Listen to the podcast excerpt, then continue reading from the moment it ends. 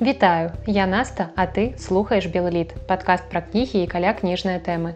Радуюся, што з кожным выпускам павялічваецца колькасць тых, хто падтрымлівае гэты падкаст і іншыя мае праекты на сайце patreon кропка.com значыць вам гэта цікава сапраўды. І цяпер вас там ужо 13 гэта вельмі шмат гэта неверагодная лічба. Я нават не думала што калі-небудзь будзе столькі чалавек. І перад пачаткам сённяшняга выпуску я хочу падзякаваць усім гэтым людзям. І вельмі прыемна што там ёсць не толькі мае знаёмыя але і таксама незнаёмыя мне людзі. І пералічу ўсіх это Сергей енін цX рут Іван павел менютка глеб радзівон нікіфару Алексей важнік Антон макарэвич лукас шоу алекс с анлакі хантер Ганна філіпенко і ната бойка. Дякую вялікі вам усім і дарэчы зараз сярод патронаў ідзе розыгрыш кнігі таму вы таксама можете далучыцца. І вы таксама можете падтрымаць падкаст іншымі спосабамі. І ўся інфармацыя про то як гэта зрабіць як заўжды будзе ў апісанні да выпуску. А калі вы знаходзіцеся ў менску то можете просто прыйсці до нас у кнігарню кніжная шафа на дзяржынскага 9 і купіць кніжак. Мне таксама будзе вельмі прыемна а ў сённяшнім выпуску вас чакае нон-фікшн пра адну з найстрашнейшых трагедый мінулага стагоддзя, таксама яшчэ мастацкі раман, які надоўга застаўся ў маёй душы і дзіцячая кніга, дзе галубы размаўляюць, а снег вырабляецца на спецыяльнай фабрыцы. Думаю, што многія з вас памятаюць, што яны рабілі ў той дзень, калі адбыліся нейкія страшныя важныя падзеі іх эпохі. Напрыклад, пра тэракты 11 верасня ў ЗША я даведалася, калі вярнулася са школы. Бабуля глядзела тэлевізар і там бясконца пра гэта расказвалі ў навінах. А вось людзі, якія выжылі ў херасіме 6 жніўня 45 -го года, гэты дзень дакладна запомнілі назаўсёды. З 350 тысяч чалавек, якія тады жылі ў горадзе, загінула амаль палова амерыканскі журналіст Джон Херсі гэты дзень запомніў яшчэ і таму, што па гарачых слядах ён напісаў пра яго кнігу Херасіма, за якую яшчэ атрымаў пуліцарускую прэмію. У рускім перакладзе кніга выйшла ў выдавестве індзівідуум у мінулым годзе, а напісаная яна была ажно 75 гадоў таму.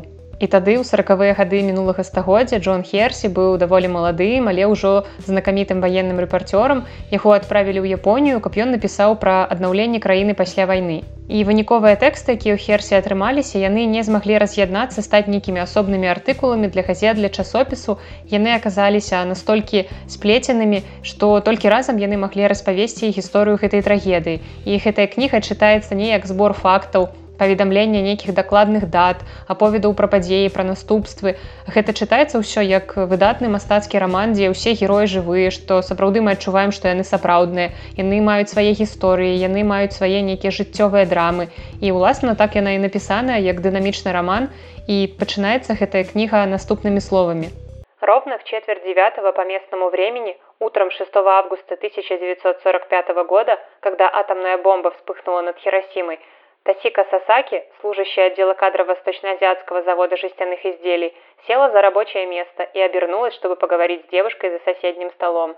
І ўвогуле Херсі даў магутны штуршок развіццю літаратуры ў жанры нон-фікшн, бо ён паказаў, як увогуле гэта трэба рабіць, што чытачам не трэба разжоўваць факты, што не трэба іх пераконваць ва ўласнай праваце, казаць, што толькі ты маеш рацыю, што толькі твая інфармацыя дакладная, трэба просто даць слова людзям якія перажылі трагедыю. Каб чытаць чуў галасы гэтых людзей каб ён не чуў голас аўтара. Бо гэта такая гісторыя гэта трагедыя дзе нам важна ведаць што думалі людзі што казалі людзі што рабілі людзі а не тое што пра гэта думае аўтар.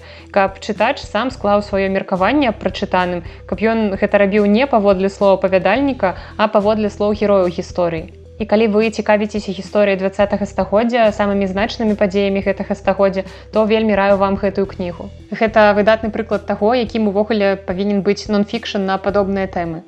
Следует удзяляць больше внимания причинам тотальной войны, а не ее орудием. Наступная кніга ў гэтым выпуску для мяне просто ўварвалася ў топ найлепшых і прачытаных за гэты год, а яшчэ толькі сакавік. І там пакуль не так шмат кніг увогуле ў гэтым маім топе, але гэтая кніга гэты топ узначаліла і я вельмі люблю, калі мяне здзіўляюць кнігі, пра якія я мала ведаю. Таму я нічога ад іх не чакаю. І гэтая кніга называецца там, где ракі пают. Яе напісала амерыканская пісьменніца і заолак Дэлія Оуэнс.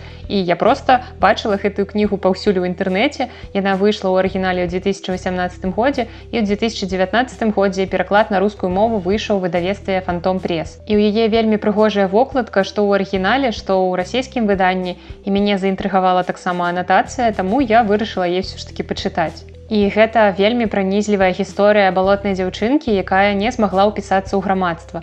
Бо грамадства вельмі злое, яно не прымае тых, хто хоць трошкі ад іх адрозніваецца, А для гэтай дзяўчынкі балотныя птушкі ўсё ж былі бліжэй за людзей. І храналогія ў гэтай кнізе непаслядоўная, перад намі з'яўляюцца розныя эпізоды з жыцця Кія і іншых насельнікаў мястэчка Барклайкоў. І першая сюжэтная лінія пачынаецца ў 1952 годзе, калі Кія Кларк застаецца адна ў сваім доме на балотах. Яе кінулі бацькі, яна асуджаная на выжыванне, а не на жыццё. І спачатку знікае яе маці, яна проста аднойчы бярэ свае рэчы, апранаецца і сыходзіць. І потым паступова знікаюць бацька, браты і так малая дзяўчынка застаецца ў доме адна. І прычым жыве яна далекавата ад цывілізацыі, у яе няма ніякіх іншых сваякоў і ёй цяпер трэба неяк зарабляць сабе на жыццё і можна сказать сказаць, што яна так пасталела вельмі рана.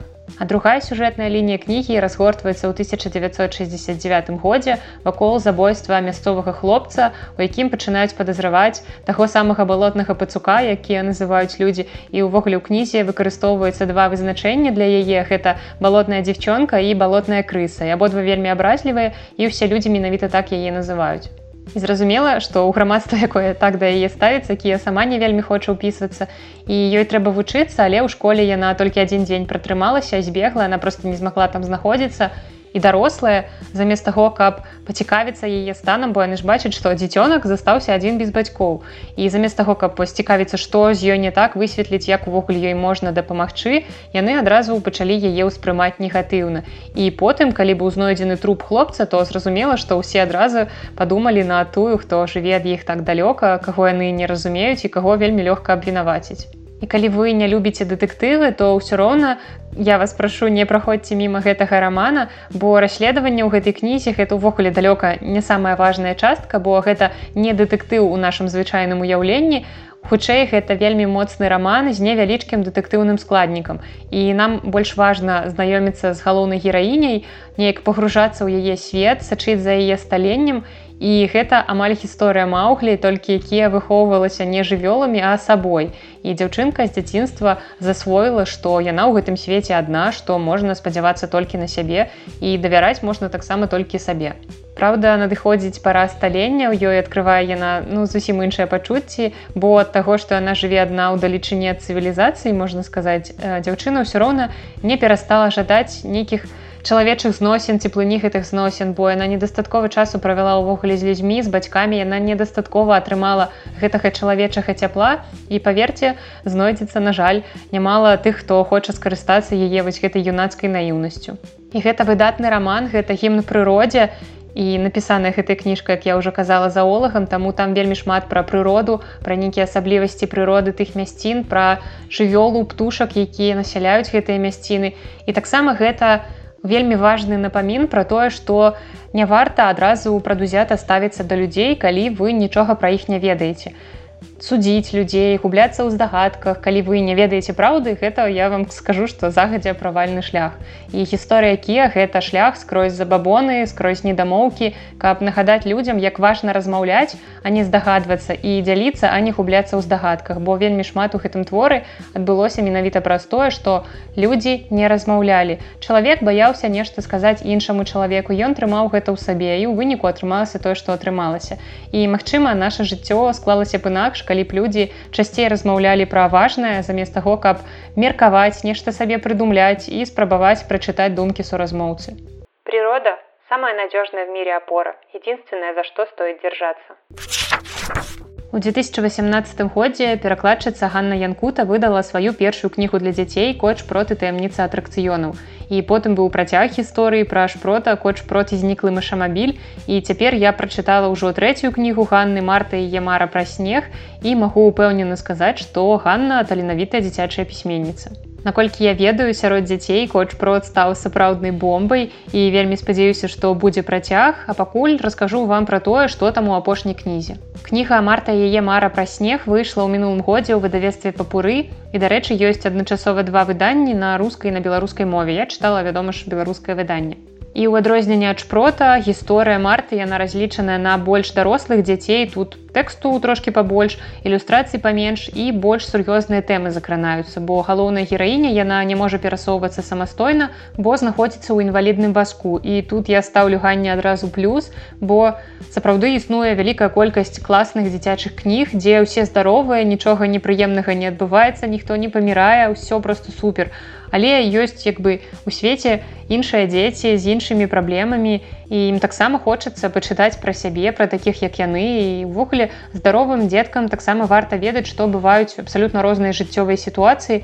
І думаю што яны не будуць супраць калі ў гісторыі галоўнай гераіне будзе на колах Да таго ж гэтая асаблівасць марты не выклікае ў чытачоў нейкага асаблівага шкадавання да слёз, бо часам пісьменнікі спецыяльна спрабуюць выціснуць чытача слёзы, каб ён герою суперажываў, таму кідаюць герояў максімальна змрочнай жыццёвай сітуацыі і калі пісьменнік не вельмі таленавіты, то гэтыя спробы слёзавыціскання выглядаюць ну вельмі відавочна. Напрыклад, я не змагла дачытаць кнігу вельмі папулярную нейкі час таму яна была гэта маленькае жыццё, хані нагіхары я просто не змагла яе чытаць бо я бачу як гэта зроблена як і што рабіла пісьменніца для таго каб выклікаць шкадавання да герою і мне было гэта не вельмі цікава. І я хочу каб ад кнігі мне самой хацелася плакаць каб я неяк это самастойна хацела каб гэта быў абсалютна натуральны працэс а не такі працэс дзе я бачу як аўтар спрабуе гэта рабіць. І тут жа аўтарка не маніпулюе нашымі пачуццямі. Марта абсалютна звычайная цікаўная дзяўчынка. Яна жыве з бацькамі вучыцца дома. Праўда яна адчувае себе сябе трошки адзінокай бо яна рэдка бывае на вуліцы. Яна жыве ў доме дзе няма пандусаў і вельмі цяжка спусціцца па лесвіцы з васком без пандусу. Але яна вельмі любіць глядзець у акно назіраць. У яе на падваконніку часта бываюць галубы за якімі яна назірае. І вось цяпер настаў снежань ёй хочацца нейкага снежна-святочнага настрою каб глядзець у акно каб там быў снежок добры. Але няма гэтага настрою тому что за акном нібыта пачатак вясны. Там брудна там слота дарогі не зацярушвае снежком і праз гэта марта вельмі сумуе. Яна вельмі вельмі марыць пра снег але яна зусім не чакае што так хутка яе мары спраўдзіцца і яшчэ і такім чынам Не буду вам раскрываць усе сюжэтныя павароты, але з гэтай кнігі вы даведаецеся пра існаванне фабрыкі снегу, дзе ўсё пад кантролем сучасных тэхналогій. І праўда, гэта не заўжды надзейна. Мы ведаем, што часам тэхналогіі могуць нас падвесці. І Марта разам са сваімі незвычайнымі спадарожнікамі будзе спрабаваць усё гэта выправіць. І нечакана ў яе жыццё ўваходзіць магія і робіць марту менш адзінокай і падзеі ў кнізе адбываюцца ў наш час персонажы там карыстаюцца ноутбукамі разбіраюцца ў сучасных тэхналогіях таксама лексіка адпаведная сустракаецца часам і не магу сказаць што ад гэтай кнігі Ганны я засталася ў такім жа захапленні як ад гісторыі пра ката шпрота бо прыгоды шпрота яны больш дынамічныя бо яны разлічаны на больш малых дзетак якіх трэба неяк зацікавіць яшчэ ўмець а тут жа кніга мне падалася трошки зацягнутай хаця там падзей увогуле не так шмат адбываецца. І дарэчы у самым пачатку кнігі я сустрэла падрабязнае апісанне галубоў і ўспомніла, што сама Ганна захапляецца бёрдвотчынгам і яна таксама дае ў кнізе цудоўную параду, якую, на жаль, наколькі я бачу, вывучылі яшчэ не ўсе, што птушак, ні ў якім выпадку нельга карміць хлебам і батонам. Для іх это вельмі шкодна. Але ж мы прывыклі бярэм кавалак батону і все пайшлі на рэчку карміць птушак. Лепш насамрэч для гэтага выкарыстоўваць крупы ці нясмажаныя семкі. Бо і цяпер я часта бачу як у нас на рэчцы стаяць людзі і кормяць качак батонам. А потым гэтыя качкі на жаль сябе не вельмі дрэнна адчуваюць ад вашага батону таму я вас прашу не карміце качак батонам ілюстратарка ў гісторыі марты тая што і ў шпротах это лілія давыдоўская. Я вельмі люблю яе ілюстрацыі яны сапраўды чароўныя. Марта атрымалася вельмі яркай такой рудой дзяўчынкай са сваёй разыначкай як і коч прот. І калі вы ў пошуку новых зімовых гісторый то можете звярнуць увагу на гэтую кнігу. Я б не сказала што яна вельмі дынамічная вельмі захапляльная але сюжэт вельмі цікавы за ім хочацца сачыць. Марта сустракае там розных незвычайных персонажаў і натхняе дзейнічаць. І дарэчы чытаць кнігу можна не толькі толькі зімой бо яна не пра новы год не пра каляды. І гэта просто вельмі універсальная гісторыя таго як усё можна пераадолець калі ты моцна гэтага хочаш калі ты прыкладваеш все намаганні да гэтага і нават калі ты маленькая дзяўчынка ў інвалідным васку А заканчиваю сённяшні выпуск я вясёлымі гісторыямі жыцця літаратараў. Напрыклад, першая гісторыя пра раман тры мушкецёры. Я думаю, вам усім ён знаёмы, калі вы не чыталі кнігу, то магчыма вы глядзелі кіно. І калі б не выдавец гэтай кнігі, мы маглі б чытаць яго пад зусім іншай назвай, бо дзюма асабліва нічога не выдумляў, ён хацеў назваць кнігу проста. Атос, партос, арамісы д'артаньян. Але выдавец сказаў, што ўсё выдатна, толькі яму вельмі не падабаецца гэта невыносная назва, бо ёсць адчуванне, што нехта збіраецца выклікаць д'ябла. Выдаўцу падалося, што імёны мушкецёраў загалоўку гучаць як імёны нейкіх чарцей і менавіта ён прапанаваў усё спрасціць і назваць раман даволі лаканічна, так як мы яго цяпер ведаем тры мушкецёры. І дзюма ўвогуле асабліва не супраціўляўся ён наадварот сказаў што так гучыць нават больш загадкава. І другая гісторыя пра вельмі блізкую нам цяпер тэму бо ўжо у некаторых з нас год спомніўся з таго часу як мы на дыстанцыйнай працы і дзякуй кавіду за гэта бо нам цяпер добра у нас ёсць інтэрнэт ён спрашчае нашу дыстанцыйную працу спрыяе яе распаўсюджванню ўвогуле. А вось у часы пісьменніка Уільяма фолкнера ўсё было нашмат больш складана што праўда пісьменніка не спыняла І ў 30-е гады мінулага стагоддзя фолкнер заключыў дамову з кінакампаніяй метра Голдвін Майер і пісьменніку трэба было неяк карміць сям'ю, а праца сцэнарыста яна даволі добра аплочвалася. Яму давалі ганарар 500 даляраў на тыдзень. І дарэчы, у наш час гэта ўвогуле нядрэнны такі заробак, нібыта ты нейкі праграміст. І фолкнер пісаў дапрацоўваў сцэнарый, ён адаптаваў чужыя літаратурныя творы для экранізацыі і ставіўся да працы ён ну як бы скажем не вельмі сур'ёзна, але ў той жа час ён яе выконваў вельмі якасна і все рабіў у свой тэрмін. І аднойчы фолкнер спытаў дырэктара кінакампаніі, ці можна яму дзень папрацаваць з дому. У наш час гэта абсалютна звычайная практыка, калі ты там, напрыклад, трошкі хварэеш, выклікаць лекара не хочаш, каб атрымаць нейкія лісты гэтыя ты пішаш просто начальству што папрацуеш дома і калі ты вядома не мышаніст метрапалітэна цябе ну абсалютна нармальна могуць адпусціць і для напісання сцэнарыяў фолкнеру таксама абсалютна не абавязкова было знаходзіцца на студыі і дырэктар тады пагадзеўся яго адпусціць і фолкнер пайшоў дадому Але здаецца, што пісьменнік вельмі літаральна ўспрыняў слова злучэння праца з дому і калі пісьменніку патэлефанавалі ў яго галівудскую кватэру, дзе ён павінен быў у прынцыпе працаваць, аказалася, што фолкнер з'ехаў зусім зусім дадому, ён паехаў у Оксфорд. Таму ў любым выпадку, каб пазбегнуць вось падобных няёмкіх сітуацый, варта заўсёды ўдакладняць поўную карціну.